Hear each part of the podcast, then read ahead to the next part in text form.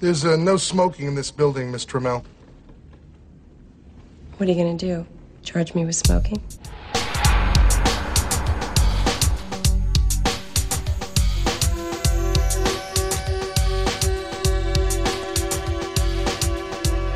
Erotic. Det sang eh, Madonna på starten av 90-tallet, da hun hadde en meget erotisk vending i sin karriere. Hun gikk fra å flørte med et sånn jomfru-image på gondola i eh, Venezia, eh, til å ta den helt ut med litt suging på flaske og, og sånne ting. Jeg ble, det ble i hvert fall hett i sofaen min hjemme i stua når Madonna flasha det meste på MTV. Hva sier du, Lars? Ble du opphissa av Madonna? Absolutt. Jeg fikk til og med In Bed With Madonna, den der filmen av min pappa som ville gjøre meg mer eh, Gjøre meg mer til en mann som ga meg sånn lettkledd? Ga din far deg den filmen? Ja, jeg gjorde det. det var, jeg fikk sjokk. Pappa går Var det, hjem. mente han at du var liksom for lite jente i livet ditt, og så han prøvde å nudge deg i riktig retning? Jeg tror det. jeg tror det Så um, ja. Det, det var veldig, veldig interessant film. Mye, mye brøst på Madonna, husker jeg. Ja. Ja, ja. Fikk du noe mer halvpornografisk fra far din opp gjennom tida? Nei, men jeg husker han skar også gjennom og ga meg lekepistoler, fordi moderen og moderen var sånn her eh, skulle ikke være noen pistoler i huset, så en gang han var i Russland, så tok han og sa at min sønn trenger et skytevåpen, så kom han hjem med noen sånne lekepistolgreier.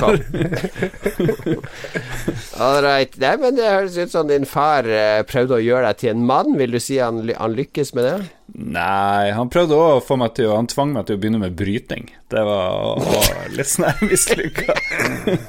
Det er sånn damer, damer og menn blanda sammen i en uh, uforståelig, confusing, confusing blanding. Det her høres ut som en fremtidig spesialepisode der vi skal gå litt i dybden på våre forhold til våre fedre. Men Christian, eh, jeg og du er jo fedre begge to, og det har jo vært farsdag nylig. Eh, Ble det full feiring eh, hjemme på Lørenskog? Det ble kjempeflott. Jeg fikk eh, kort og klem av eh, datteren min og sånt. Og så gikk jeg på do seinere og sto og piste, og så kom hun inn der, og så kikka hun, så sa hun 'pappa tisser ifra fingeren'. Oi. For hun er, hun er liksom akkurat i den alderen nå at hun ikke skjønner helt at det er forskjell på jente og gutt, og da da så hun en finger der, mente hun, i anførselstegn. Men apropos eh, Madonna. Jeg, jeg og en kompis vi var i London på den tida når den ble lansert, den der eh, erotica-greia. Og hun lanserte jo ei bok òg samtidig. Ja, ja, ja. ja. Og den var tilgjengelig i England, og den kjøpte min kompis. Og det var eh, kjempesvært A3-format eller noe sånt i, høy, i uh, høytstående Veldig format. lite handy å lese porno i A3-format Ja, når du skal ha med deg på do og sånn. Eh, Og eh, metall var det òg på utsida, så det er veldig kaldt mot låra når det er at du har den ja, nettopp. Nei, det er Så det var eh, helt huff. ubrukelig. Ja. Jeg, jeg venta på paperback i den. PDF-en. PDF-en. Yes, vi snakker litt om erotikk her nå, for det blir en meget erotisk sending. Eh, vi hadde jo en eh, I vår forrige episode som ble spilt inn på Byen i Oslo med meg og Lars og eh, noen venner av oss, og den fantastiske temahatten som spydde ut ulike temaer som vi måtte diskutere til oss. Så vi hadde det egentlig veldig gøy når vi spilte den inn, men vi, trenger, vi savner vel litt feedback fra dere lyttere på om, om det funka med en sånn ren impro-episode. Så jeg vet ikke om du har hørt noe, Lars? Har du fått noen sinte mailer midt på natta, eller? Ingenting. Jeg vet ikke hva som eh, Hva folk tror lenger. Men så lenge de ikke sier noe sant? De sier jo fra hvis de er veldig misfornøyd, tenker jeg. Det er liksom da Ja, det er ofte sånn det pleier å være. Men vi, vi, i løpet av denne episoden så kom vi jo på den geniale ideen å skrive ha en eh, konkurranse der vi skulle skrive erotisk novelle. Der vi måtte bruke fire stikkord som våre venner rundt bordet på Aya i ga til oss. Det var vel stikkordene kubbelys og maske og Hitler og eh, eh, hårføner. Og det har vi gjort. Det skal dere få høre resultatet av senere. Christian eh, arresterte oss jo her i, i sted og sa at dette har vi stjålet fra Radioresepsjonen. Nei, jeg sa det. Jeg sa det. Ja, du sa det. Ja, noen mener det, jeg sier ikke det. Vi visste jo ikke om det, men ifølge noen som hører på det her, så er det her blåkopi av Radioresepsjonen. De driver og lager erotiske noveller. Ja, jeg kan si Vi kan sikre oss da altså si at vi har laga pornografisk novelle. Så, så kan Radioresepsjonen De kan lefle med det der eh, kjedelige Cupido-stoffet. Vi går rett på det hardcore aktuell rapport, bok 199. Det, det er den vi sikter oss mot, ikke erotikken. Mm. The old in and out er det vi fokuserer på. Oh yes, oh yes. Men vi har ikke bare skrevet pornografi den siste uka. Vi har også gjort ulike ting. Og jeg skjønner at du har lært deg å svømme, Lars? Vil ikke si jeg er utlært, men jeg har begynt på svømmekurs. Jeg og eh, stort sett nye landsmenn har ligget og plaska i et basseng. Jeg Begynte, jeg begynte i forrige uke, skal tilbake nå i kveld når vi spiller det inn mandag her. Det er derfor vi måtte spille inn litt tidlig, i hvert fall for min del. Så jeg har lært å, å sparke fra, lært å puste ut. Det, det visste jeg ikke man skulle gjøre. Man skal puste ut mens man er under vann, liksom, med hodet. Så det forklarer litt hvorfor jeg har fått vel, blitt veldig andpusten. Har du gått 40 år av livet ditt og ikke skjønt at du kan blåse ut luft under vann? Jo, jeg har jo skjønt det, men jeg har liksom aldri Jeg lærte ikke å svømme da jeg var liten, så da jeg flytta opp til Alta i sånn 2002, og etter det så prøvde jeg å lære meg sjøl å svømme der, for det fantes ikke noe kurs. Så endelig kom jeg over noe kurs, så tenkte jeg fuck it, nå kjører jeg på. Så nå Er dette, det for, er dette forberedelse til at du skal bade nå før uh, nyttår, eh, eller hva er Det der badinga, det er jo Det tar jo aldri slutt. Det er mange lyttere som, som gjerne vil ha deg i vannet, men er det, det er litt av grunnen er at du ikke har kunnet svømme, rett og slett, så du har ikke tort å lage den videoen. Det er derfor. Det er ikke at du er redd for kulda og sånn. Nei, nei, selvfølgelig. Jeg elsker kulde. I sympati så kan jeg jo si det at jeg er ikke så veldig flink til å svømme, jeg heller. Jeg klarer nok å holde meg eh, flytende og kåle litt fram og tilbake, men brystet er jeg ikke så veldig flink på. Nei, det er ikke så lett å svømme. Jeg var vel tolv år før jeg lærte meg det. Det husker jeg var ganske flaut. Vi holdt jo på med det i fjerde, femte og sjette klasse. Vi er ganske heldige der. Det var først i sjette klasse jeg kunne svømme. Da var jeg liksom alene igjen sammen med tre jenter på grunna, mens alle de andre drev og stupte og sånn der borte. Så det var litt flaut å ikke klare det. Uff da.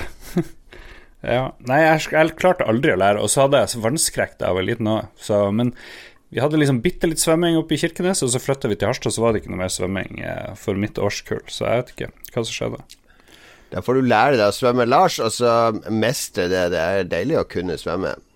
Ja, jeg gleder meg til å kunne svømme ordentlig, og liksom, fordi jeg føler jeg er bestandig den tregeste. Jeg liksom henger, sakker bak, bakut, eller hva, eller hva Ja, det gjør du til lands òg, så det er jo ikke noe det, Ja, ja, det er jo- ja. Nå, nå gjenstår bare å lære å sykle, så kan du være med i triatlon. For jeg regner med at du kan gå og småspringe. Jeg har, eh, jeg har vært eh, siden sist Jeg har vært konferansier på Medietilsynet sin dataspillkonferanse 2018, som var veldig gøy, egentlig. Det var et tema jeg kan mye om. Det handla om Fortnite og barn, som jeg kan mye om. Det handla om eh, aldersgrense, som jeg kan en del om. Det handla om lootboxer, som jeg kan en del om. Og det handla om free to play-spill, som jeg kan litt om. Eh, handla om mødre som prøver å sette seg inn i gaming og, og, og bonde med barna sine, osv., osv. Så, videre, og så, videre. så det var eh, det, det er jo sånn bekymringskonferanse, ikke sant? for de tar opp mange sånne problemstillinger rundt eh, spill. Men eh, vår venn Rune Menzoni, som har vært gjest, var gjest hos oss for noen episoder siden, han eh, la jo fram en meget god presentasjon av alle, alt han hadde lært av disse Fifa-pakkene han åpna, og statistikk med sannsynligheter der, osv., osv. Uh, og ja, det var en bra dag. Ble streama hele greia. Så jeg, jeg må si jeg liker egentlig sånn konferansierjobbing. Skulle gjerne vært fulltidskonferansier. Det, det tror jeg egner meg bra til. Det, men du må komme med litt sånne bløte vitser. Er det, har du det under kontroll? Ja, jeg har så mye bløte vitser, Lars. Det vet du. Det er, er spesielt når publikum ikke kjenner meg fra før av, og hvis jeg har litt, hvis jeg har litt selvtillit overfor stoffet, så er det ikke noe problem. Så her hadde jeg jo masse anekdoter fra mitt eget liv og fra min egen barndom og, og sånne ting.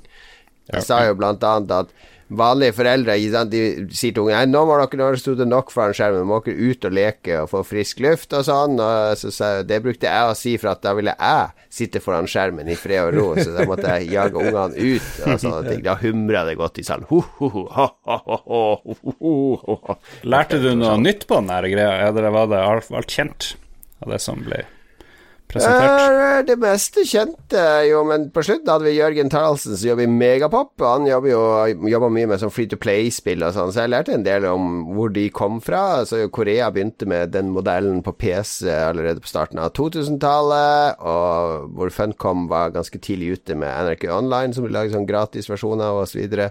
Så det, akkurat det var veldig interessant, hvordan eh, Og også den diskusjonen der da om eh, er free to play, er det på grunn av, skyldes det, det disse modellene og disse spillene som vi ikke liker, da?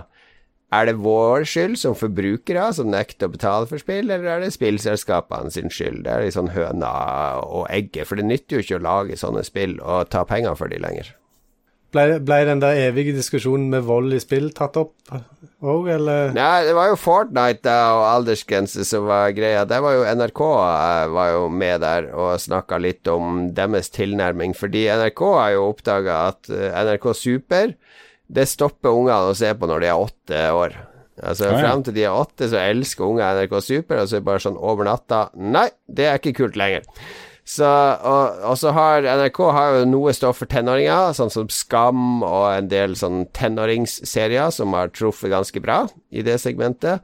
Men de har et hull der, da, fra 8 til 13-14 år.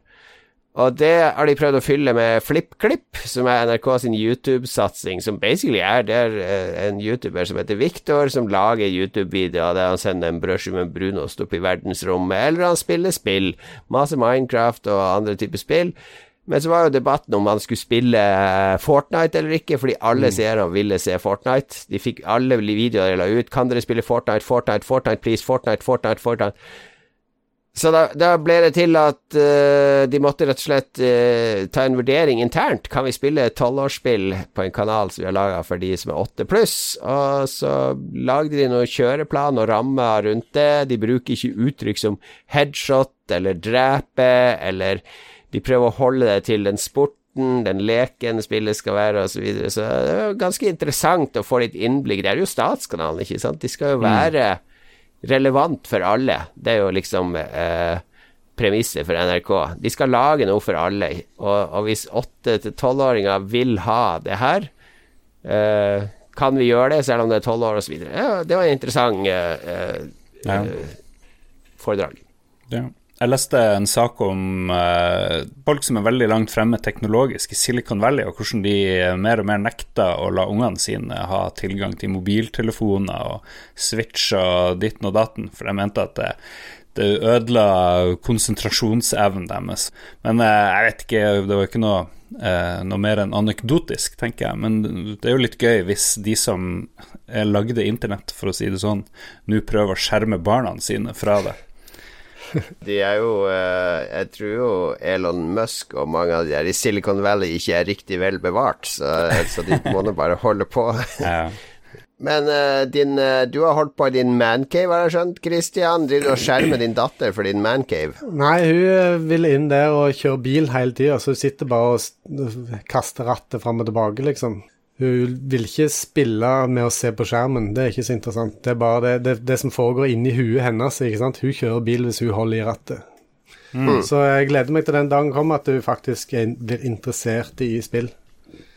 Ja. Det. Men ja, jeg har holdt på i Mancaven. Det har vært mye som har skjedd. Jeg, jeg, de som har fulgt med i Entourage, har jo sett at jeg har lagt ut eh, La først ut en film av eh, den gamle konfigurasjonen av Mancaven, fordi jeg røyk på en smell og kjøpte noen TV-er. Noen nye. Kjøpte tre TV-er, men det kosta vel Du brukte bare 6000 på det? var det Nei, noe det, sånt? når alt var gjort opp og jeg hadde solgt de gamle og sånt, så endte jeg på rundt 9000 kroner for tre Ja. nye 55 toms LG smart-TV av 4K. Så eh, det var liksom en no-brainer, syns jeg. Mm. Men det førte til at Mancaven måtte snus 180 grader, for jeg hadde ikke plass på den eh, veggen der jeg tidligere hadde kjørt eh, 42-tommerne. Og så når jeg hadde snudd denne, så satt jeg på Discord og snakket om dette til noen, og så sier han ene fyren der at ja, 4K-spilling det er skikkelig kult. Og så begynte jeg å tenke at hei, Xbox One, den eh, old schoolen som jeg har, den har jo ikke 4K. Plutselig så satt jeg med tre nye Xbox One X. Sånn For da hadde Power og, og DNB hadde sånn 20% rabattgreier. Så nå sitter jeg og spiller Red Dead Redemption 2 eh, i 4K på det som skal være den beste plattformen til nå. Det er uh, farsdag hver dag hjemme hos Christian, tydeligvis. Det stemmer. Men hva koster tre Xbox One X med 20 De 20 koster i ut- utgangspunktet 4500 4500 for stykket. Og så ble det jo litt rabatter på det, på de 20% og så solgte jeg jo de gamle Xboxene, så jeg endte på Jeg tror det var 7700 for tre stykker. Det syns jeg er òg er bra. Ja, ja, ja. Du er en luring med penger her, det En kremmer. si. En kremmer. Jeg så at de her nye Sony PlayStation 4-modellene eh, skulle være litt mer stille enn de gamle Pro-utgavene. Så da blir det jo plutselig litt mer aktuelt å investere. Men de ser fremdeles skikkelig stygge ut, syns jeg. Ja, disse X-ene har jo blitt mindre, iallfall. Og de har òg flytta strømforsyningen inn i konsollen, så nå er det bare en sånn eurokabel som eh, du kobler til. Du slipper å ha den kladasen utenom som var skikkelig stor og uhamslig å ha med å gjøre. Men uh, Lars, sist jeg var hjemme hos deg og så rundt TV-en din, så lå det egentlig slengt kabler og en switch og ledninger og en platespiller. Og Ja. Har det så mye å si hvor pen PlayStation er, hvis den skal ligge oppi det kaoset der? Ja, du, har, du har et godt poeng. Så nå når den er litt stille og ikke lager støvsugerlyd hele tida, så kan det hende det er på tide med en PS4 Pro. Vi får sjekke hva som skjer på Black Friday, om det er noe. Jeg vet faktisk ikke hva slags konfigurasjon den eh, Xbox X-en har, om dette den har noe hissige vifter og sånt, men jeg har ennå ikke hørt noen ting sjøl fra de. Mm. Jeg blir som regel overdøvet av eh, viftene som er i ratta mine, Ja, for de men kicker jeg- inn når jeg spiller for hardt med bilkjøring. Ja, men Red Dead Redemption 2 har ikke lagd støvsugerlyd. Det gjorde jo der eh, God of War med en gang. Tok jo to minutter, så var det jetfly i stua, liksom. Så det virker som om Red Dead er bedre. Mindre, mindre uh, slit på PlayStation 4 enn min, i hvert fall. Det er fordi det er ikke så god grafikk der som Xbox One X. Ja, ja, ja, ja.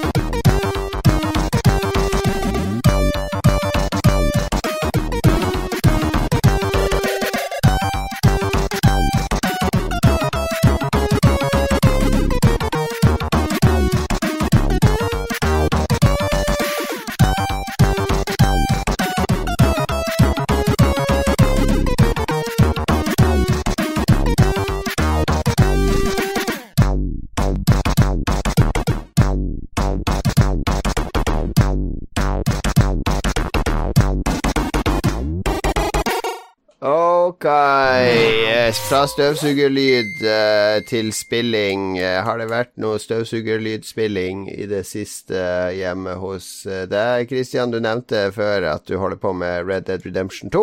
Det er Red Dead Redemption 2 det har gått i. Ja, du husker at vi snakket om det og Forza Motorsport 4 tidligere, og hva jeg ville spille mest. Og jeg trodde jo at jeg skulle spille Forza Horizon 4 mest, men jeg har faktisk spilt mest Red Dead Redemption 2 i det siste. Og det, det er litt rart å sitte i en bilstol og spille, spille det hestespillet. Men jeg, bruk, jeg bruker ikke ratt og pedalene når jeg rir hesten. da. Oi, kan du gjøre det? Det hadde vært Nei, det vet jeg ikke. Det hadde vært helt sprøtt å prøve. Jeg ville se video av det kjøre en hest Du med ratt. skyter med høyrefoten. Men er- du bruker jo beina når du rir og sånt, gjør du ikke det? Liksom? Kanskje det kan konfigurere det om, jeg vet ikke. Nei, men det, det er stort sett det det har gått i. Og så har jeg jo eh, selvfølgelig omsider eh, kommet på dette hold down-kjøret. Som ble nevnt Ja, i Mobilspillet Holddown. Hold Det, det har jo vi spilt til døde, eller jeg spilte til døde. Jeg måtte bare avinstallere, for jeg ble jo bare avhengig av det. Ja, jeg merka det at når det først Det var litt, litt, litt sånn slow start. Det var litt sånn litt boring når du hadde bare to baller eller whatever du har i begynnelsen. Men etter hvert som du fikk oppgradert og sånt Nå er jo det unlimited balls og shots og jeg vet ikke hva. Så det, nå er det jo eh, Nå klarer du ikke å legge det ifra deg, som du sier. Det blir uh, addiction. Kan du forklare det? Sist jeg prøvde å forklare det spillet, så ble jeg ledd, ledd ute av studio. Jeg likte den der med Arkanoid opp ned. Ja, nettopp. Ja, det var en forklaring. Eller Crackout. Noen, kjen, noen husker det? Det er noen baller og noen brikker du må fjerne, og det er et mobilspill. Er det lov å si baller? Koster en 40 og noen kroner, kanskje? 50? Hva Nei, jeg husker, jeg husker ikke. Det er lov å si baller i denne episoden fordi det er erotikk spesial. Ja, hvor langt har du kommet i Red Dead, da, Christian? Jeg tror jeg, jeg er ikke så veldig langt. Jeg er kanskje på 20 eller noe sånt. Hva du liker jeg, og har, jeg har en tendens og- til å liksom eh, eh, Jeg setter meg en waypoint, nå skal jeg dit, og så treffer jeg på noe på veien, og så sporer jeg alltid av og gjør masse annet drit på veien. Jeg er akkurat som en kid som skal gå hjem fra skolen. Jeg klarer ikke å gå Du vet at, at veien hvis hjem. du somler Hvis du sporer av for mye, så kommer det en fra leiren ut til deg og sier Hei, Arthur, nå må du komme tilbake. Vi trenger hjelp. Sånn. Ja, da får jeg bare vente på han, da. Ja, jeg kan gjøre det. Det er lov, det. Alt er lov. Yes. Hva du, hva du syns om interface når du skal Du må bort til hesten, og så må du trykke holde inn L2, og så må du trykke R3 for å liksom bytte våpen, og Jeg syns jo det der er litt slitsomt. De knappene du sier der, de er helt ukjente for meg, for dette, dette er jo Xbox eh, One X jeg spiller på. ja, ja, Nei, men jeg, jeg syns interface er egentlig litt eh, greit, men nå hadde jeg en liten pause på fire-fem dager mellom spillinger, og da var det litt sånn Det gikk litt trått det første kvarteret før jeg fikk det inn i fingrene igjen. For du må stå på hodet. For å gjøre én Ja. move, så må du stå på hodet, faktisk. Ja, og klappe med hendene.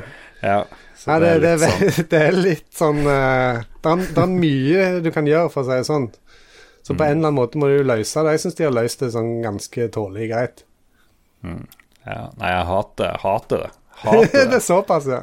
Ja, ja. Så du hater Metal Gear Solid, eksempel? Det har mye mer komplisert interface enn det her.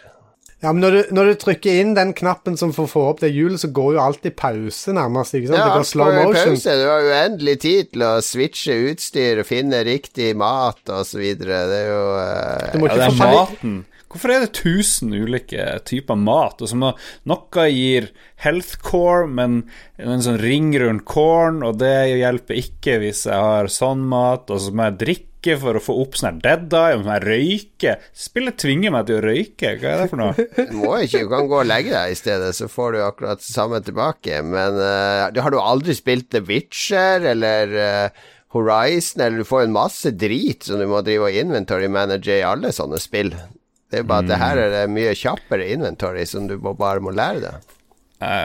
Det, jeg klarer ikke å bli helt kjent. Og så har jeg issues med han der jævla Arthur Morgan, hovedpersonen, som går i to kilometer i timen. Hvis han går, og hvis han skal springe, så springer han i 100 km i timen, krasjer inn i folk og slår dem ned i bakken. Og det samme med hesten. Så ble det Når den, går, når den går, så går den altfor sakte. Men når jeg skal springe, så krasjer jeg i et tre, og så kaster seg av. varsom, men eh, Hvordan ja. hest, hvordan hest har dere hørt om som springer inn i trær? Det har jeg aldri hørt om. Aldri Det har kanskje med noe med han som kjører hesten, jeg vet ikke. Jeg husker at det var en hest i Harstad som fikk en flue i nesen en gang ute på Stangnes, og da løp den utfor en kai og drukna.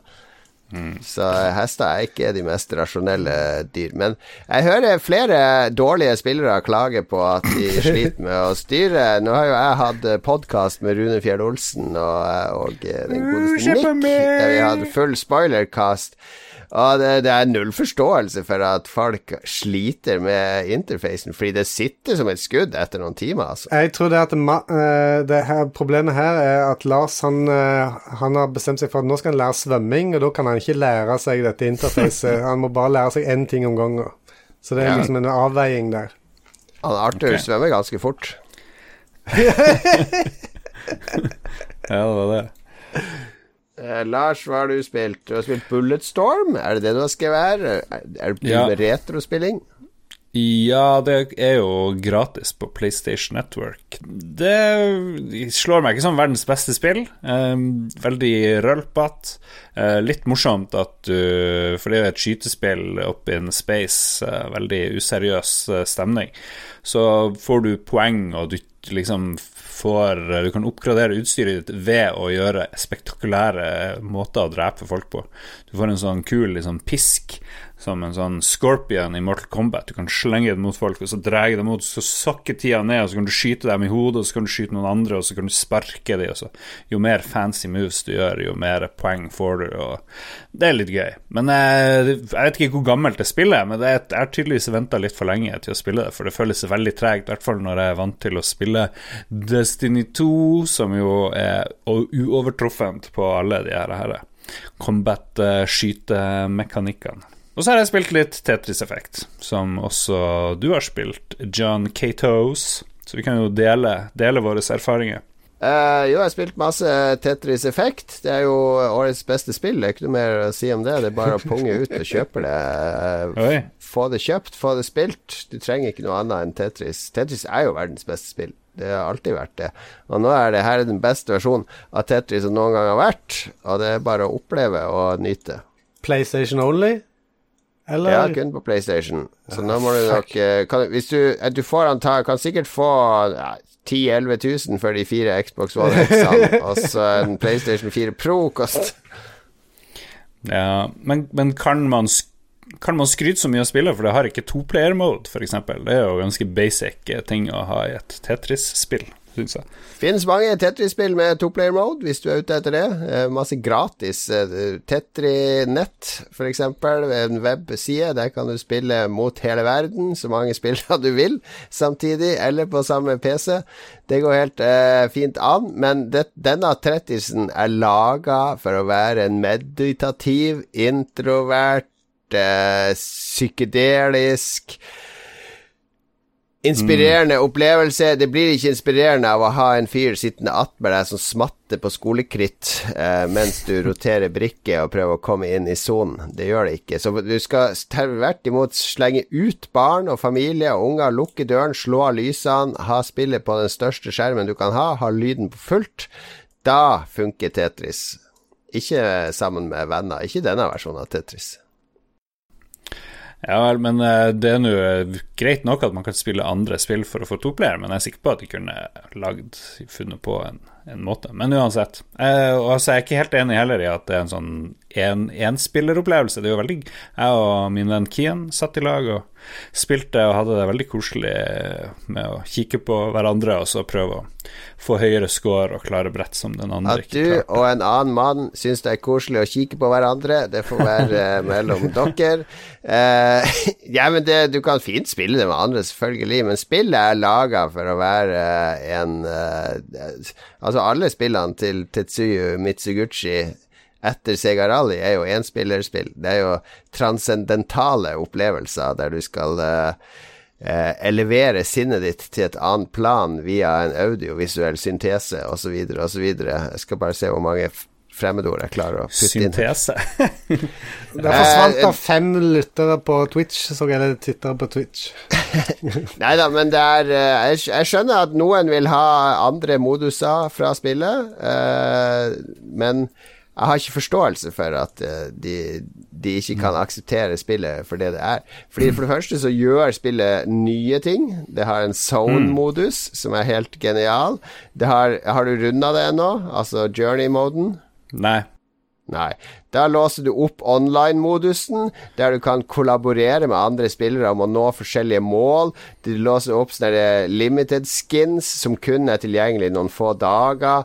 Så du, du, da blir du liksom med på en reise ut av planeten sammen med tusenvis av andre spillere som du uten at du trenger å kommunisere med de eller spille samtidig, men de samkjører og, og, og, og deler en opplevelse med Eh, det blir et fellesskap ut av det. Det blir som å ta I stedet for å sitte hjemme i mørket og ta LSD-en alene, så er du nå ute i skogen sammen med en gruppe andre mennesker som tar den digitale LSD-en.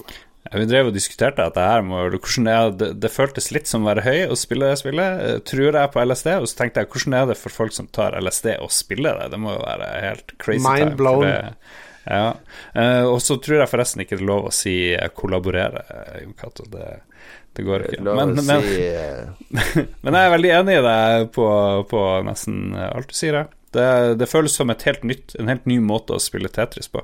Og den musikken er jo fantastisk, eh, og de lydeffektene er sånn her det, det bare glir inn i ørene mine, og jeg syns det er veldig gøy. Og så, noen brett er jeg ikke så fornøyd med, noen visuelt, noen er litt vanskelig å se, men så bare whoosh, så skjer det ting når du kommer over et visst antall Et lines. tips der, Lars. Det hjelper å spille i 4K, ikke på en sånn der eh, 20 år gammel plasma-TV i 720P. Og min, min plasma HD-ready. Min HD-ready-TV. HD-ready-TV-en til Lars er kanskje ikke bra nok for Tetris. Den er awesome. Den er awesome. Nei, men eh, 330-40 kroner er det spillet absolutt eh, verdt. Men jeg vet ikke, Kristian, er du en Tetris-mann, tror du? Ja, jeg syns Tetris er veldig bra. Nå ble jeg litt skuffa når jeg fikk høre at dette var kun til PlayStation. Da må jeg kanskje se hvordan kremmeren kan sette i gang, og kanskje kjøpe ja, kanskje bare én, Expo, nei, én PlayStation 4 Pro. Ja. Det er mange, det er- det er mange HDMI-innganger på TV-en, vet du. Jeg er helt blown av Jeg tørka til og med støv av VR-headsetet for å spille det. Det er også en ganske spesiell opplevelse å sitte inne i VR og spille Tetris. Eh, en kombo du ikke trodde skulle fungere. Det blir jo for blurry, som det alltid blir over tid. Det blir for slitsomt å sitte med det headsetet og, svette inni der. Men eh, som med et og annet brett Et par av de brettene er helt utrolig kule å oppleve i, i VR. Det er ett der du er liksom i en sånn skog, og så når du kommer videre så blir du heva opp over trærne og sånn. Det er, det er helt magisk i VR. Det bare kjennes ut som jeg har tatt både den ene og andre pilla før jeg satte på meg det headsetet. Ja. Nei, det er et sånt spill jeg tenker Oi, kanskje jeg har lyst til å, bare slappe av og spille det litt. Og det, det er en god følelse. Det er et godt tegn.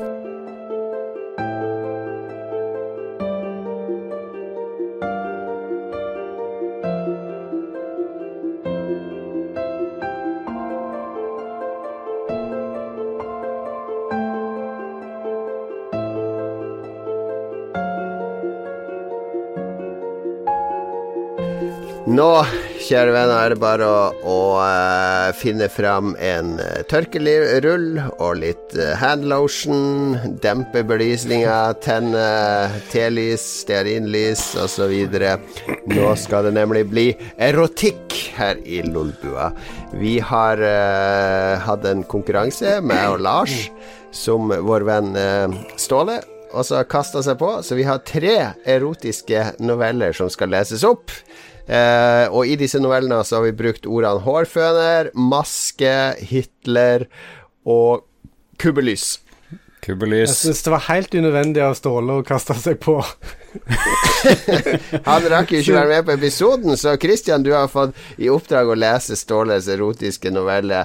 Og så vil vi også at du skal være dommer her til slutt, da, Christian, og, og kåre den, den beste erotiske novellen. Så kanskje, kanskje du skal begynne, da, med litt høytopplesning her. Ja, kanskje det. Dette her kommer til å bli eh, putepodkast de luxe, tror jeg. Nå har ikke jeg, jeg har ikke lest det, det som Ståle har skrevet. Jeg har bare sett overskriften, og den, den eh, Ja, den er ekstrem i seg sjøl.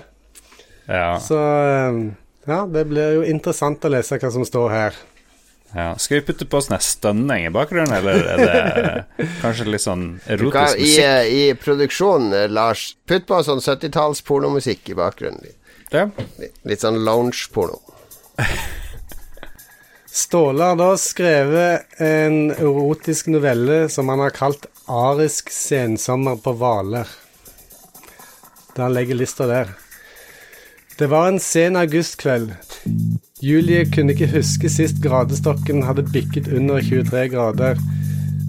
Det hadde vært en lang ferie på hytta på Hvaler.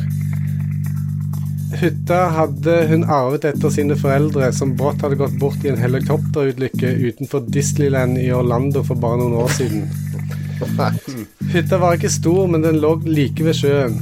Den var bygget av oldefar som hadde vært soldat i Wehrmacht under krigen, og sene, senere eh, Her står det politier, politiker for NS.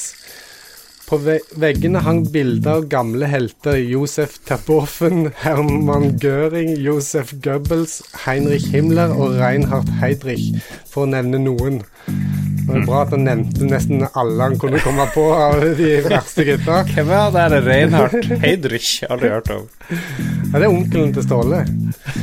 Den største av de alle, selveste Adolf Hitler, hadde fått plass på toalettet. Hun mente dette var greit var helt greit at bildene fikk henge, og syntes det var mer naturlig med Hitler på toalettet enn kongefamilien. kongefamilien. Julia tok en sen dusj denne kvelden. Hun syntes det var behagelig å få kjølt ned kroppen etter en lang dag i solen. Hun lot det avkjølte vannet sildre nedover den nakne kroppen sin. Hun lot vannet daske til henne både i ansiktet og på brystene. Fine, vakre bryster. Ikke for store, ikke for små. Akkurat en håndfull. Julia dusjet ikke lenge. Hun trådte pent ut på det lille badet som var et kombinert kjøkken og bad. Hun satte hårføneren i støpselet. Hun likte ikke å legge seg med vått hår. Hun hadde akkurat fått fønet håret halvtørt før det plutselig banket på døren. Hvem kunne dette være, tenkte hun. Hun ventet ikke besøk, og hun ønsket det egentlig heller ikke. Hun gikk sakte mot døren. Hallo, er det noen hjemme? hørte hun fra utsiden. Stemmen hørtes kjent, men allikevel ukjent ut. Hun åpnet døren. På utsiden sto en høy og muskulær mann. Han hadde medium langt blondt hår med knallblå øyne, akkurat slik hun hadde lært seg å elske menn. Hun var kun iført en T-skjorte og en kort shorts. Nei, han var kun iført en T-skjorte og en kort shorts. Kan jeg komme inn? spurte han. Hun visste ikke hva han skulle svare, men hun visste at det var lenge siden han hadde hatt skikkelig mann på besøk. Hun tenkte seg om før hun svarte ja, på én betingelse. At du tar med deg denne. Hun holdt fram en svart hel... Nei, å, beklager. Nå jeg, jeg blir helt satt ut av denne historien, så jeg leser litt feil. Ja, på en betingelse. At du tar på deg denne. Hun holdt fram en svart heldekkende maske. Og at du knuller meg som du aldri har knullet noen før. Mannen som egentlig var en nyinnflyttet nabo, som hun var Som kun var over for å låne noe kaffe, nikket anerkjennende med hodet. Jeg må bare ha med en slurk med øl her, altså, for dette her er hett. Ja, nå ser jeg det tar av her når jeg scroller nedover. Ikke skroll nedover. Mannen gikk inn i stuen, tok på seg masken. Han tok forsiktig av klærne hennes. Hun var mer brå og rev av han både T-skjorte og shorts. Jeg liker at Ståle skriver T-skjorte med T-S-H-O-R-T-E. Og shorts på samme måte, så det blir liksom Jeg ble, blir litt satt ut av det òg. Eh, han var stor, større enn hun hadde sett før. Hun sto på kne, og den store kuken kastet en skygge over ansiktet hennes. Hun tok den i munnen. Hun sugde den frem og tilbake. Han dyttet henne bakover i sofaen, løftet opp beina og kjørte pikken dypt inn i henne. Hun stønnet, hun ristet.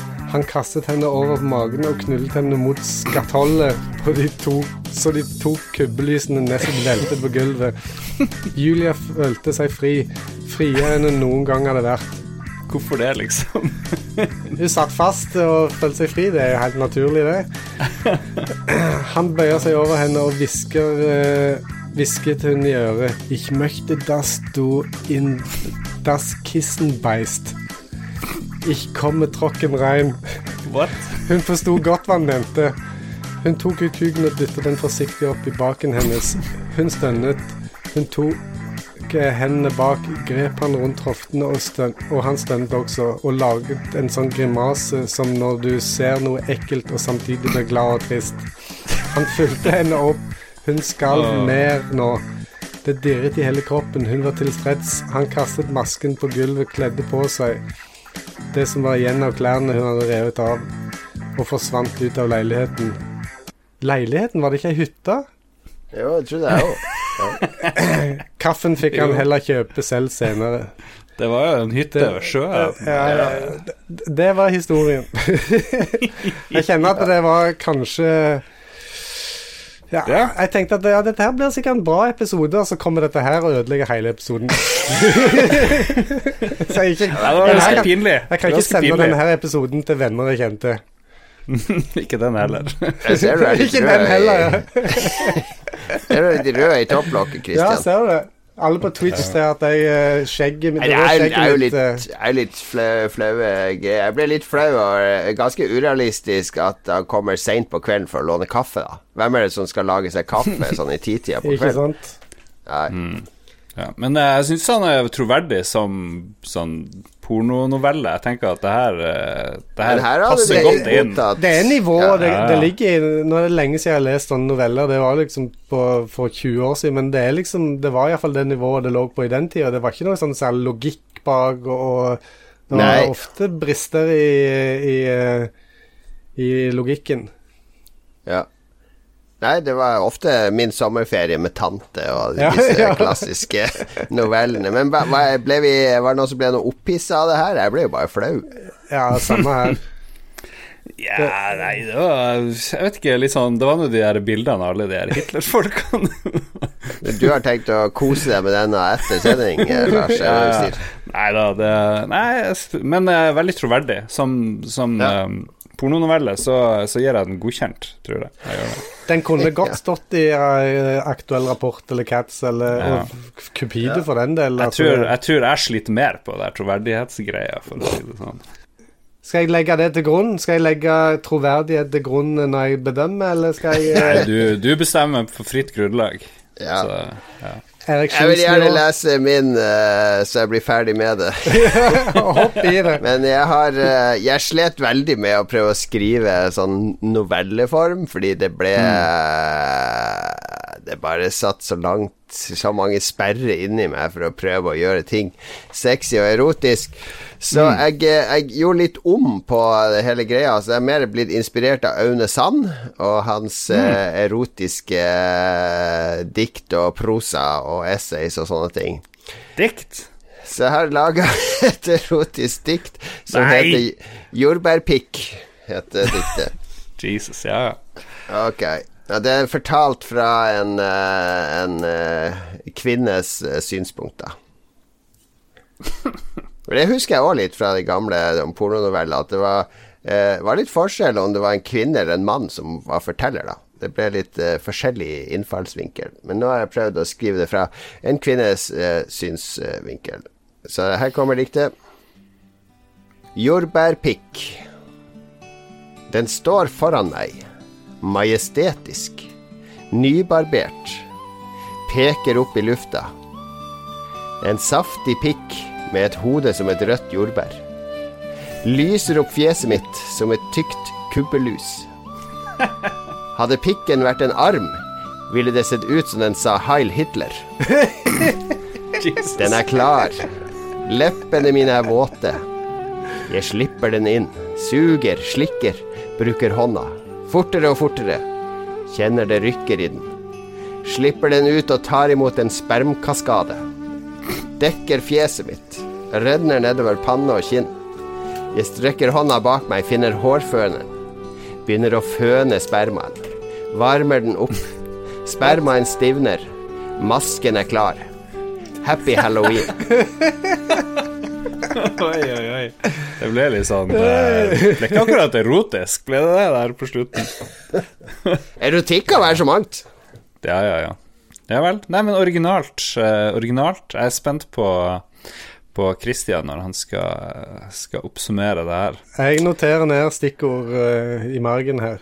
Men sånn som i sjanger, så har du jo eh, bare dritt det helt i oppgaven. Ja, men dette så her gjorde jeg jo i norske nå i alle år. Jeg tøyde grensene for sjangeren. Ok, du vil ha du vil at jeg skal skrive det og det, så, så pusher jeg det over i andre sjangre og sånn. Jeg fikk mye kjeft for det på skolen, så det er bare å fortsette kjeftinga nå, Lars. Ja. Ja. Nei, men jeg får bare bli ferdig, da. Jeg har, uh, jeg har lagd en Fire av eh, fire sider du skal lese. Nei, det er, min, det er én av fire sider ish. Jeg, jeg klarte ikke så mye sjøl heller. Og det er satt i Nord-Norge, da. Jeg tenkte noen må, noen må prøve å lage litt nordnorsk eh, erotikk. Skal vi se.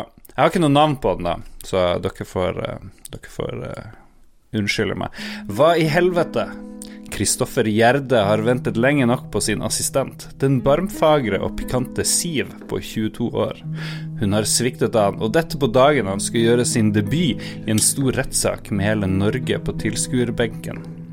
På vei inn i sal 2 i Nord-Troms tingrett i Tromsø bruker Kristoffer sin over gjennomsnittet store hjerne til å pønske ut finurlige, originale måter på å straffe sin assistent. Hans første rettssak som nyutdannet jurist skal starte, og papirene Siv skulle ta med i dag kan være avgjørende for om han skal vinne eller tape sin debut. Han puster dypt. You can do it, tenker Kristoffer, og legger fra seg hårføneren, ser seg selv i speilet og går inn i rettssalen. Sal to er full, men det skulle bare mangle. Det er ikke hvem som helst som skal stilles for retten denne dagen. Hun er ikke vanskelig å få øye på. Rakel Bustafelli, 22 år og milliardær allerede som 16-åring. For noen dager siden var hun på forsiden av alle mote- og finansbladene. I dag er hun på forsiden av alle drapsbladene. En mann ble funnet i hennes penthouse, kvalt av et kubbelys. Alle fingeravtrykk på stedet tilhører Bustafelli. Den barmfagre modellarvingen nektet å la seg intervjue av politiet etter at liket ble funnet, og overlevert til politiet av hennes butler. Rakel forklarte seg gjennom Snap og sa at hun var uskyldig.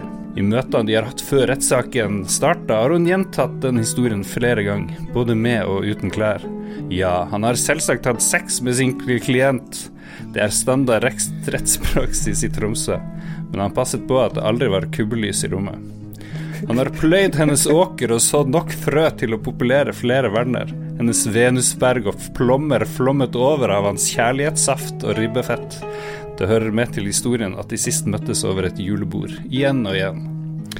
Ved siden av den unge og uskyldige kvinnen kan han ikke unngå å kle av henne med øynene, men har bare så vidt kommet til hennes blondekantede truse og nagledekte melonkurv når dommeren og juryen kommer inn i salen. Julie Hard går sakte, men bestemt fram mot dommerplassen. Christopher studerer henne. Hva er det han synes han skimter under dommerkappen? Nettingstrømper og en pisk? Nå starter vi, roper hun. La rettferdigheten seire. Eh, rettssalen eh, starter opp. Første er det aktor, den erfarne Per Pab, som får ordet. Stopp, roper dommer Julie Hard, den 22 år gamle kjendisdommeren. Kom til mitt kammers, vi må varme opp. Aktor ser forskrekket opp mot dommeren. Hva, jeg har så vidt begynt. Ti stille, jeg ønsker et ord med vår ferske advokat. Jeg tror ikke han kan alle reglene. Har han f.eks. husket å ta med en gave til meg? Kristoffer lukker øynene. Gjennom hele rettssaksskolen har han hørt om den største utfordringen i norsk rettsvesen, Julie Hards fetisj for masker og maskespill. Men han har forberedt seg. Fra vesken finner han frem den lille Hitlerbarten han har spart til akkurat dette. Ja vel, mein Führer, ich komme. Og det var så langt jeg kom i det her turøvet. Ja, det er forfatterstudiet fått bein å gå på. Uh, ja, ja. Jeg har funnet ut at erotisk novelle er kanskje ikke så gøy å skrive likevel. Nei, det er ganske slitsomt. Ja, det er ganske slitsomt, så kjeda meg sjøl en stund der. Men du var flink til å på en måte bruke i, i ord og vendinger som ikke var grove. F.eks. nagledekkende melonkurv. Var det, er det Jeg kom på at det det, var sånn det at det, det er toppen hennes, eller hva? Ja, det var det er noe sånt. Jeg husker det fra de her eh, pornonovellene, at det var mye sånn her eh, eufemisme, sånne fi, finere ord for uh, vulgære ting. Ja, ja det Mens, men Ståle kjørte på med pikk og uh, Han brukte og, de verste ordene han klarte å komme på. mm. Men, det, Men jeg de, tror kanskje det er mer moderne. Jeg tror jeg var på et mer sånn gammeldags språk, egentlig. men da lurer jeg òg på hva er et drapsblad? Det var på forsiden i alle drapsplanene. Jeg føler at jeg måtte være litt naiv i, eh, i liksom hvordan ting fungerer. Det er veldig gøy at en 22-åring Alle var 22 år, hvis dere Ja, ja. Skulle liksom ha sånn stor drapssak sånn den 22 år gamle kjendisdommeren. Ja, og så videre. Ja, nei, så det, Men det er sånn, i, I dagens samfunn så er det jo sånn Du ser eh, mammaen til Michelle, eller hva det heter, liksom sånn eh, Hun sier sånn Ja, i, i alle år i hele mitt liv så har jeg holdt på med ditt og datt, og så er det liksom Det er halvannet år, eller noe sånt. Ja, nettopp. Yo, yo. Ja, det var høyt ambisjonsnivå, i hvert fall. Eh, jeg likte jo at eh, Jon Cato klarte å bruke ordet kaskade. Det tror jeg faktisk at jeg husker at jeg har lest i noen pornonoveller tidligere. Og så likte jeg at det, det endte opp med en slags eh, bukake-variant av husflid til slutt. At eh, det ble lagd eh, en, eh, en halloweenmaske, faktisk, av eh, En halloweenmaske av sperma. Ja. Og så var den veldig kort. Det var jo det beste med hele greia. Ja, takk Gud. Herregud. Her, når, du, når du skal klippe det her etterpå, Lars, så kan du godt kutte ned litt på de novellene. Ja, ja, ja. Jeg tror ikke Ja, jeg så jeg skal, på. skal gjøre det. Det, vi trenger ikke høre alt. Eh, men faktisk, jeg Nå har eh, Jon Cato eh, fått mye kjeft for eh, i hele oppveksten, for han eh, går på, litt på tvers av oppgaven. Nei, men jeg likte eh, diktet, faktisk. Jeg vil si at diktet er vinneren. Og det er jo Oh juks. God. Det er jo juks. Jeg nekter å Jeg omdefinerer ditt svar til at eh, jeg vant, siden det er lov å omdefinere ting her. Så da, da vant jeg. Så hvis du, hvis du skal klippe det etterpå, så Lars vant. Altså Oppgaven er jo Christian, at en av disse tekstene skal du lese for kona di i kveld, så du valgte da diktet. Ja, du får bare sende det over, så skal jeg lese det, så får vi se hva du sier. Det er deilig, deilig, deilig. Det er så deilig med en lille smule eotikk, som de sier i Danmark. Og vi hører på litt musikk, og så blir det anbefaling.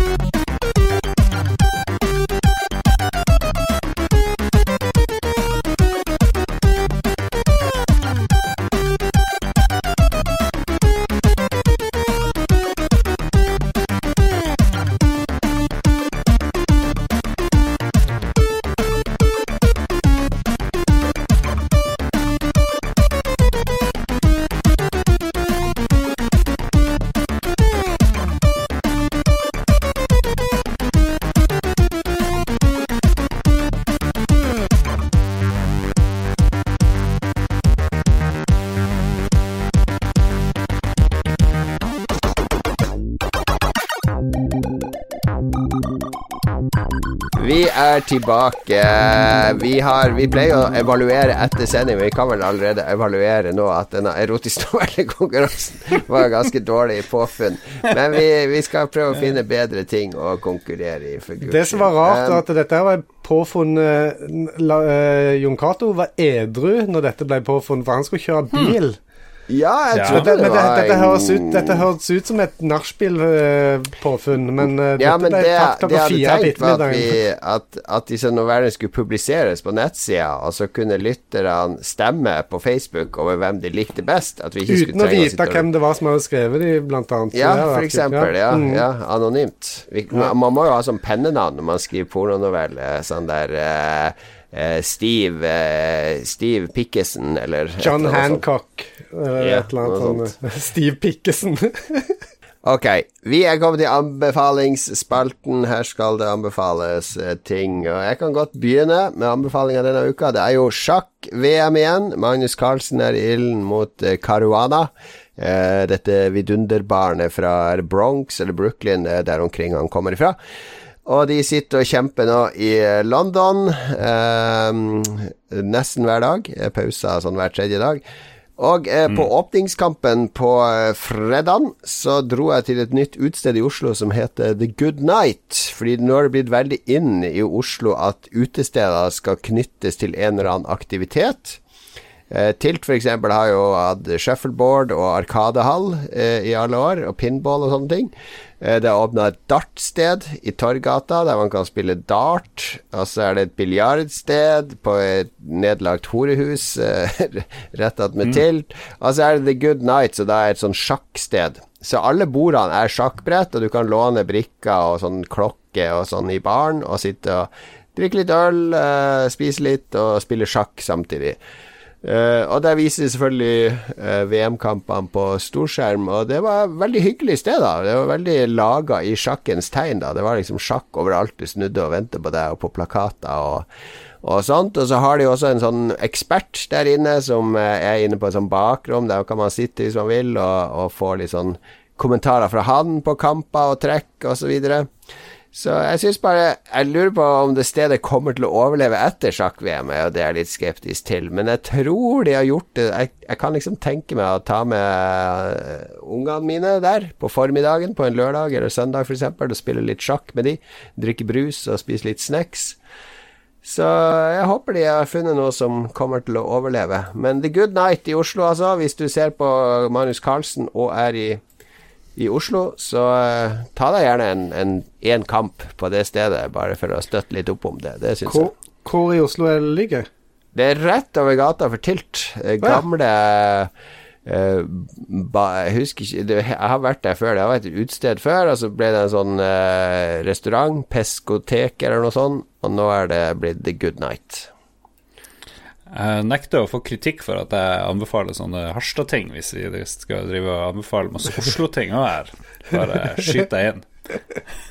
For the, rec for the record. Ja. Ja. Men nå skal jo Lars anbefale Losby Gods, så Losby Gods Gods Nei, hva er det du skal anbefale, Lars? Kom med din anbefaling.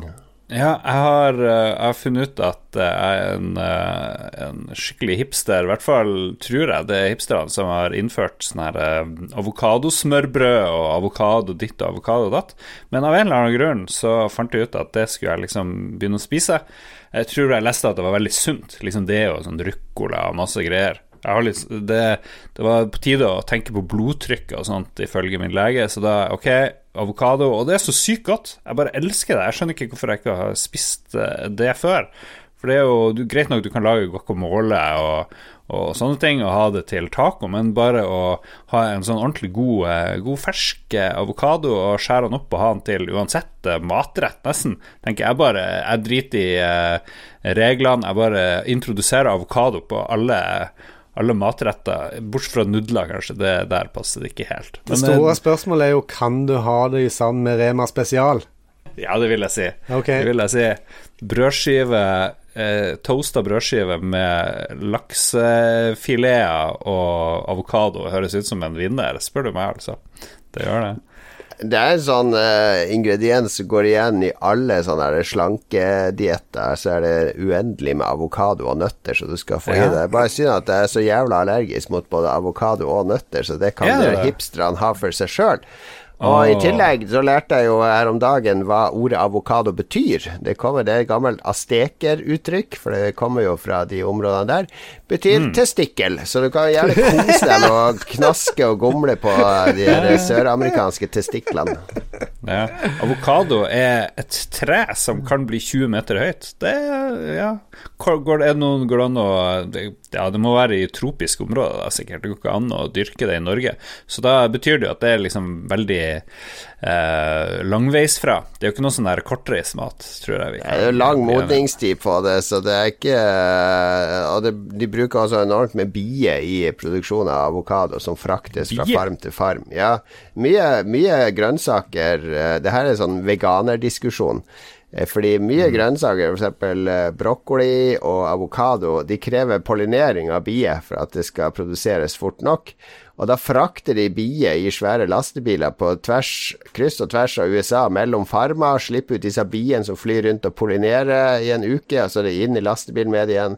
Så for veganere som ikke vil ha mat der dyr ikke har vært en del av produksjonen, der er det en stor intern diskusjon om man kan spise avokado og brokkoli, og man, til slutt kan du ikke spise noe som helst, da. Det, I'm loving it. De skal kun spise nedfallsfrukt, helst.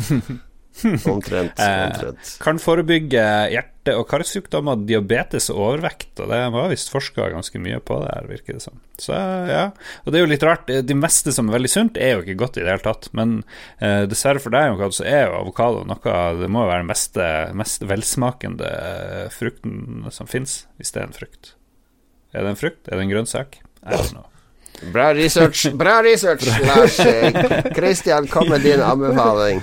Yes. Uh, en kjedelig Netflix-anbefaling. Uh, Paradise PD, animasjonsserie i, som er lagd uh. av blant annet eh, Roger Hva heter han? Roger Black, tror jeg. Sjøl er jeg en stor fan av Howard Stern, og i Howard Stern sitt univers så er det noe som heter The Wackpack med en gjeng med gærninger, gjerne eh, tilbakestående folk eller folk som har afflictions, all slags forskjellige greier. En av de er en sånn en uh, insult clown som heter Yucko the Clown.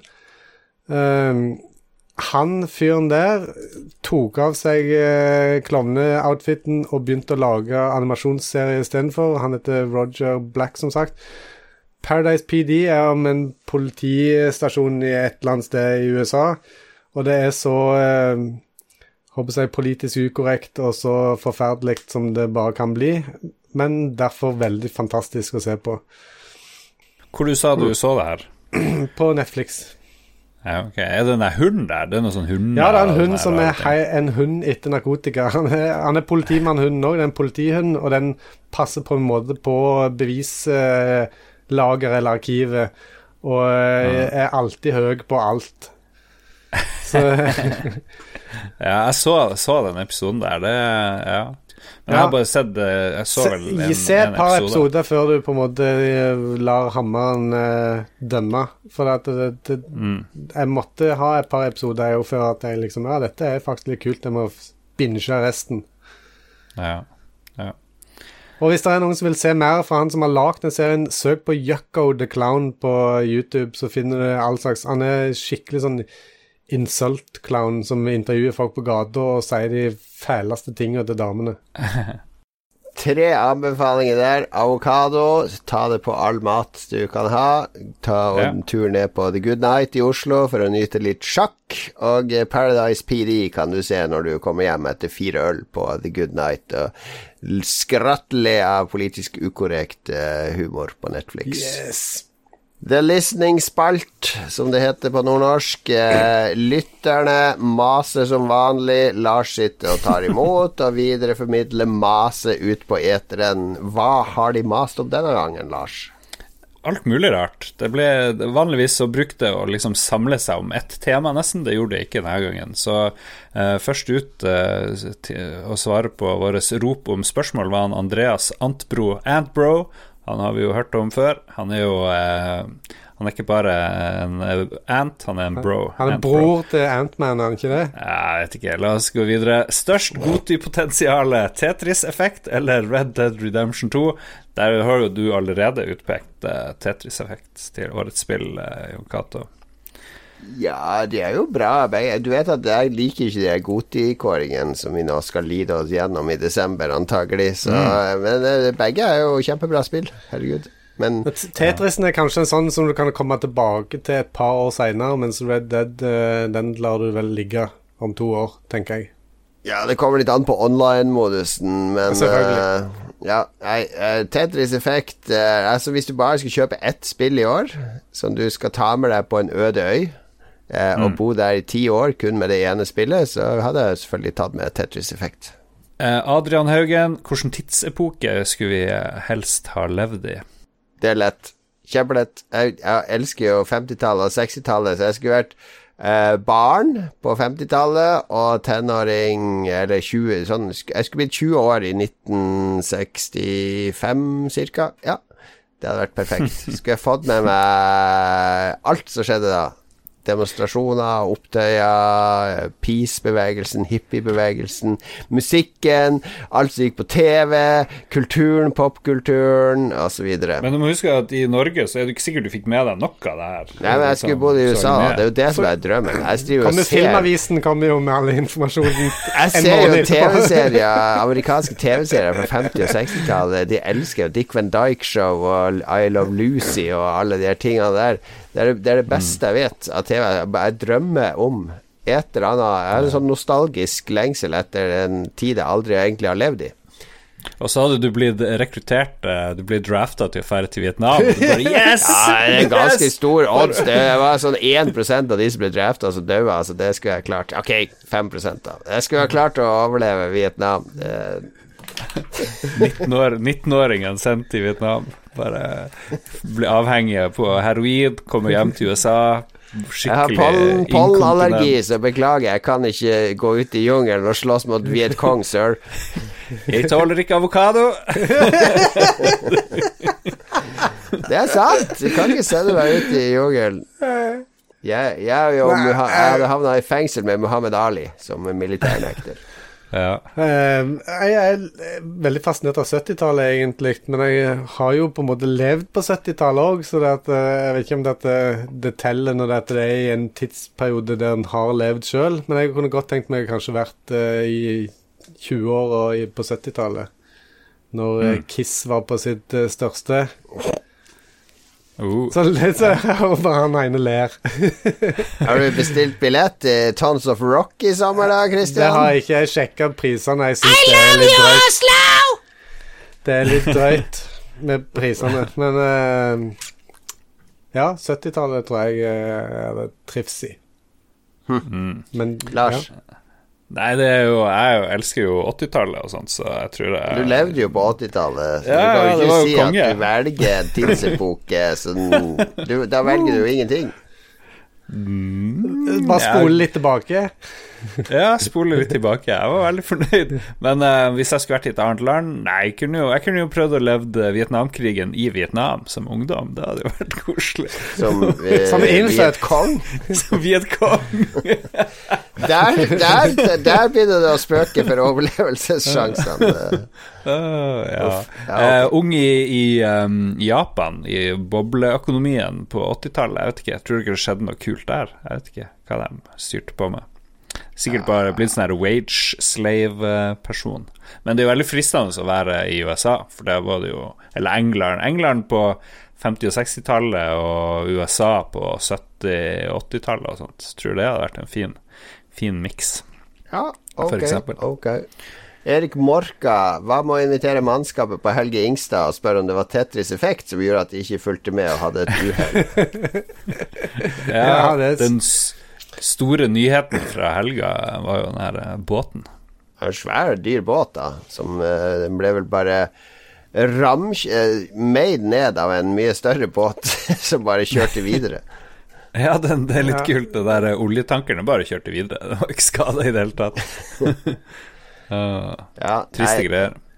Men jeg tenkte jeg skrev på eh, Facebooken vår at eh, hvis mannskapet hadde spilt mer Ports of Call, for der går det jo bare i å ikke krasje under innseiling og utseiling eh, fra, fra havn. Men kanskje de har gjort sånn som han sier, de sitter og spiller Tetris Effect, og så har de leid sånn tugg.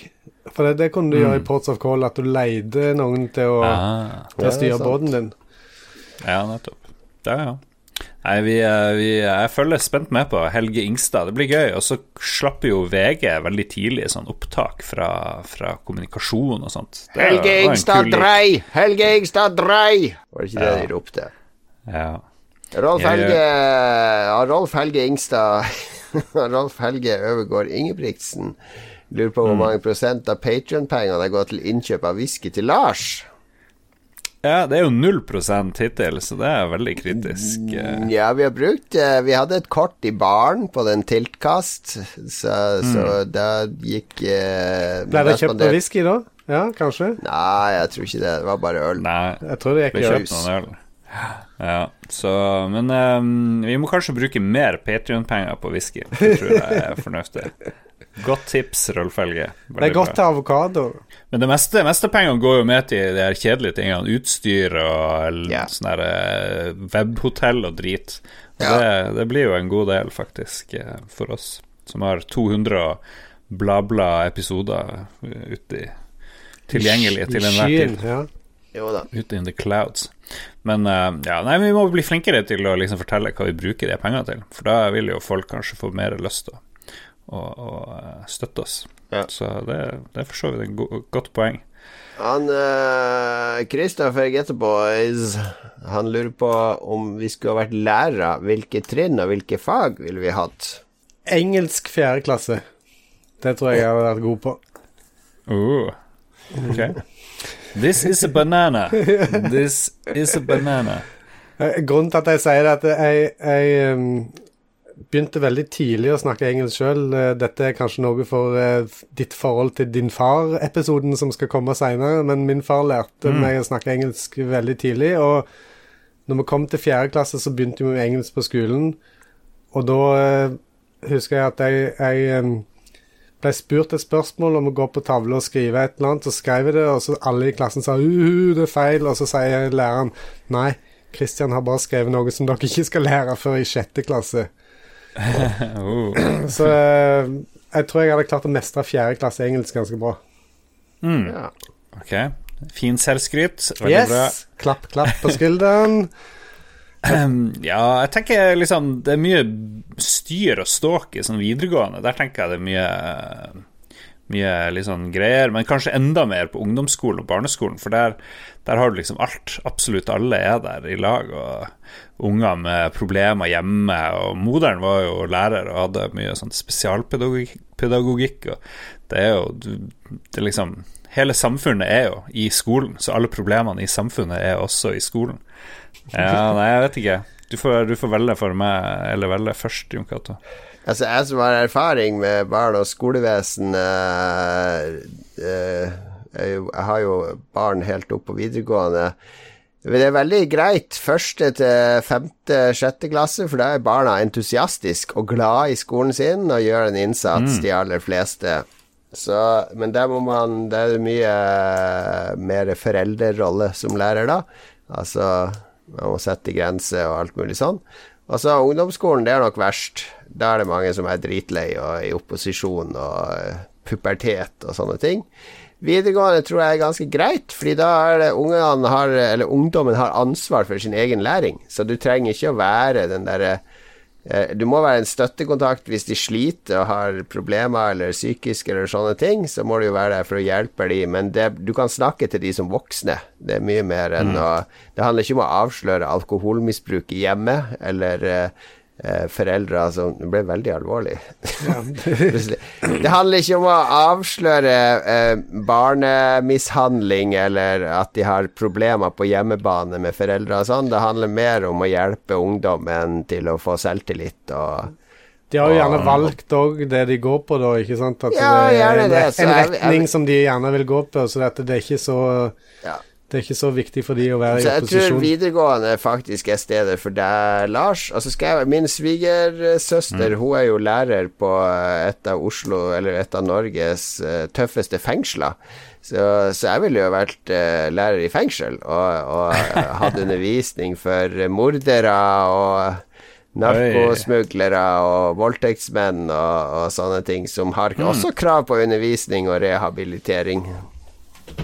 Kan man være lærer for innvandrere? Tror ikke du det kan være litt sånn uh, det har stort humorpotensial, i hvert fall. ja, det, det, blir alltid en sånn feel good-film, vet du. Med ja, den læreren som tar med på sånn ekskursjon, og, og så kaprer de en båt eller en buss eller noe sånt, og så Altså er, Myndighetene er imot det, for det er ikke innenfor de rigide, firkantige rammene som sosionomene har satt opp. Denne inspirerende mm. læreren, og så får han sparken, og så går alle de innvandrerstudentene sammen, og så får de læreren med seg, og ja, det er, her har du film, her er manus, mm. Lars. Veldig bra. Jeg, jeg, går for lærer på sånn her uh, voksenopplæring.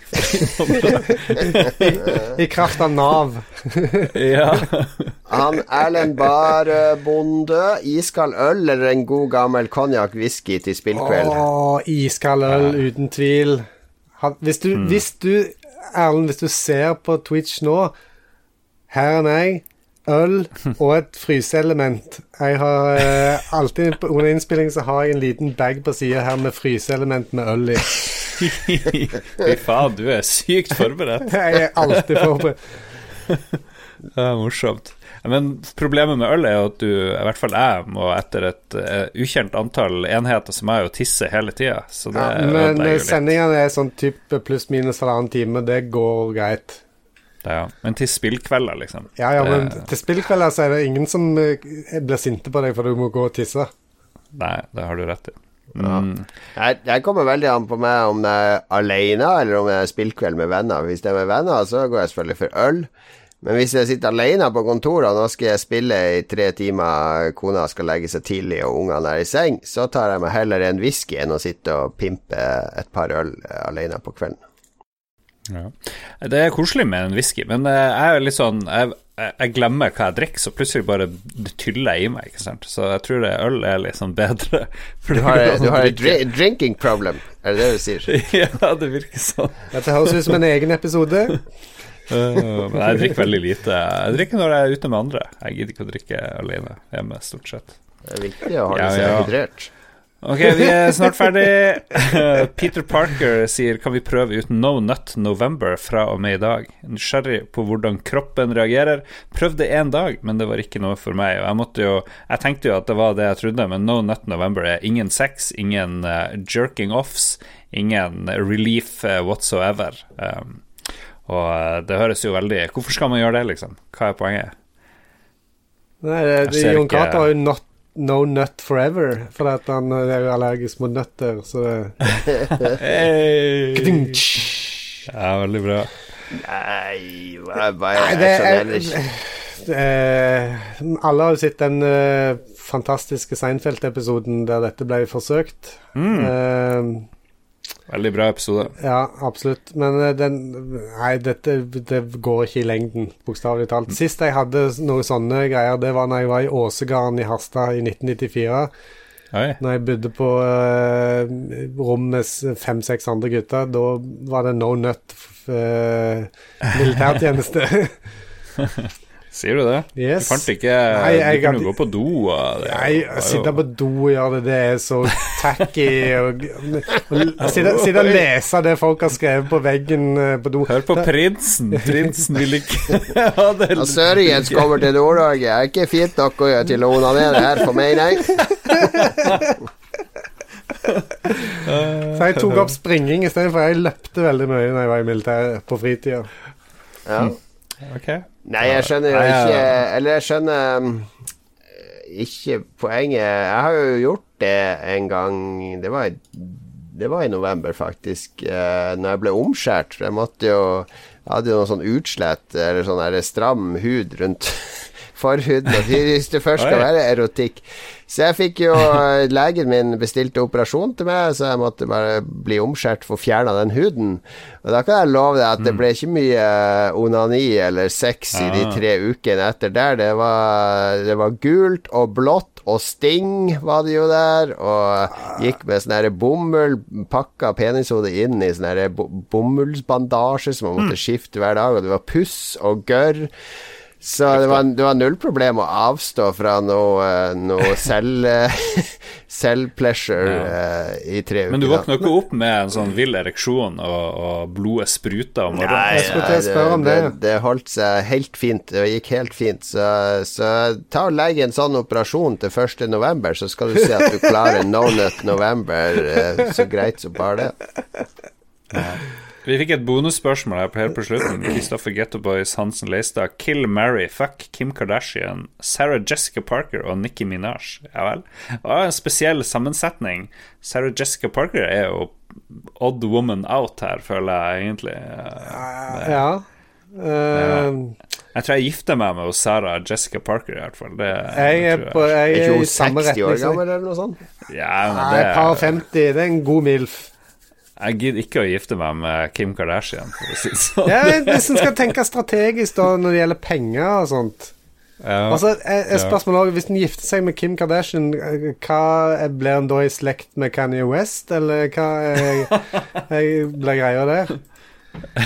Eh, ja, hvis hun ikke skiller seg fra han, så er det kanskje i familie. Mormoner og greier. De- damene kan ikke ha mer, flere menn. Det går så sikkert ikke. Nei, jeg ville vil jo gifte meg med Nicki Minaj. Hun er jo en dritflink rapper og er jo har mer talent enn de andre to. Sarah Jessica Parker er jo eh, bare en middelmådig skuespiller.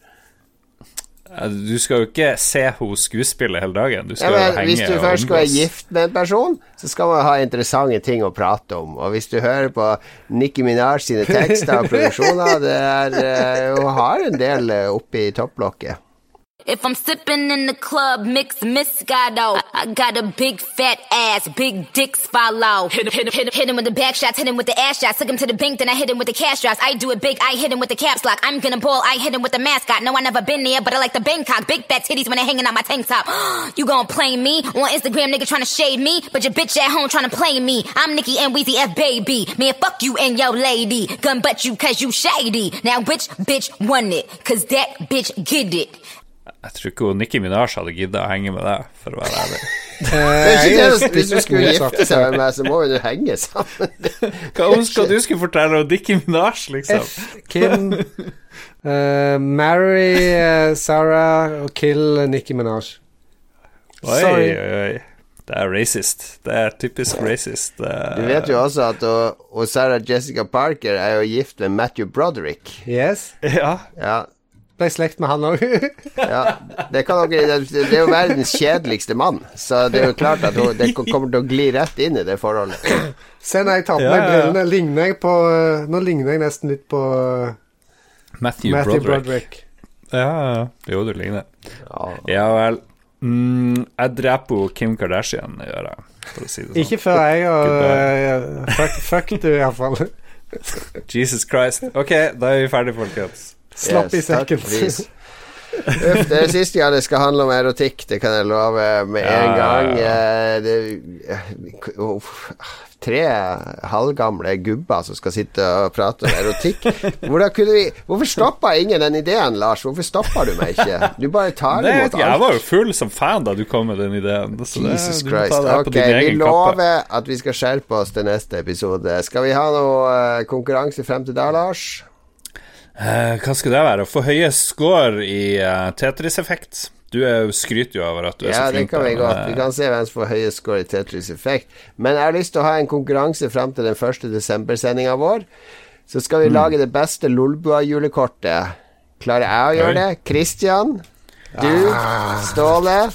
Frie tøyler til å lage tøff blå. Det må være bilde av deg sjøl på julekortet. Det skal ikke være noe sånn at du har tegna med sånn fotmaler eller munnmaler eller sånne, sånne type En munnmaler? Er det, det folk med amputerte uh, Ja, fordi jeg husker da jeg var liten, så kom det alltid til jul i desember Så kom det en sånn selger på døra, som her er sånne julekort som er malt av folk uten armer. det var en sånn greie. Kun i, i feltet ditt på, eh, i Harstad så kom de på døra. Jeg har aldri hatt noen sånne på døra. eh, Har du aldri hørt om det? Det var, det var ganske vanlig med sånne julekort malt av folk. Da tenkte jeg stakkars disse folkene uten armer som blir tvungen til å bare male sånne julemotiver hele tida. For det er det eneste, eneste tegningen jeg har sett av folk uten armer, det er sånne julemotiver. Eh, hvis vi skal ha Tetris-effekt, hvilken del av høyskolelista er det liksom som er gjevest? Uh, Vi kjører maraton, maratonmodus. Men det her trenger vi ikke diskutere i sendinga. Ja, jeg tenkte vi kan invitere lytterne. Vi kan legge ut en vi post. poster på sosiale post, eh, medier. Følg oss i sosiale medier, så får du modus og, og eh, hva vi skal konkurrere i. Ta bilde av scoren din. Vi lager en tråd på Fjaseboka og på discorden vår, så vi kan dele. Vi eh, takker for denne gangen, men ja, vi skal definere en julekortkonkurranse der hver av oss i Lolbua eh, lager vårt eh, forslag til Lolbua sitt offisielle julekort i år, så vi kan sende digitalt til alle våre lyttere. Oi, oi, oi. Ta og Sjekk ut eh, Patrion-sida vår. Patrion.com slash lolbua. Sjekk uh, lolbua.threadless.com. Der er det mye sweet, annet en sånn wife-beater som vi hadde på eh, under uh, Tilt-casten, som er veldig bra. Sjekk uh, Facebooken vår, der er det både Lolbua Entourage og vanlig Lolbua. Finn Patrion vår. Lenke til alt der er på lolbua.no, så det er egentlig bare å gå dit. Der legger vi også ut ferdige episoder, hvis du nå skulle føle deg veldig lost. Og vi er på LO. Hello, hello always. Yes. Ok, da takker vi for i dag. Takk for at du joina oss, Christian, og fikk en uh, erotisk novelle slengt Ja, det var kjempehyggelig. Forferdelig erotiske noveller. Husk å sende meg diktet, da skal jeg lese det til kona mi etterpå. Yes. Vi er tilbake om en uke. Ha det bra. Na-na. Er det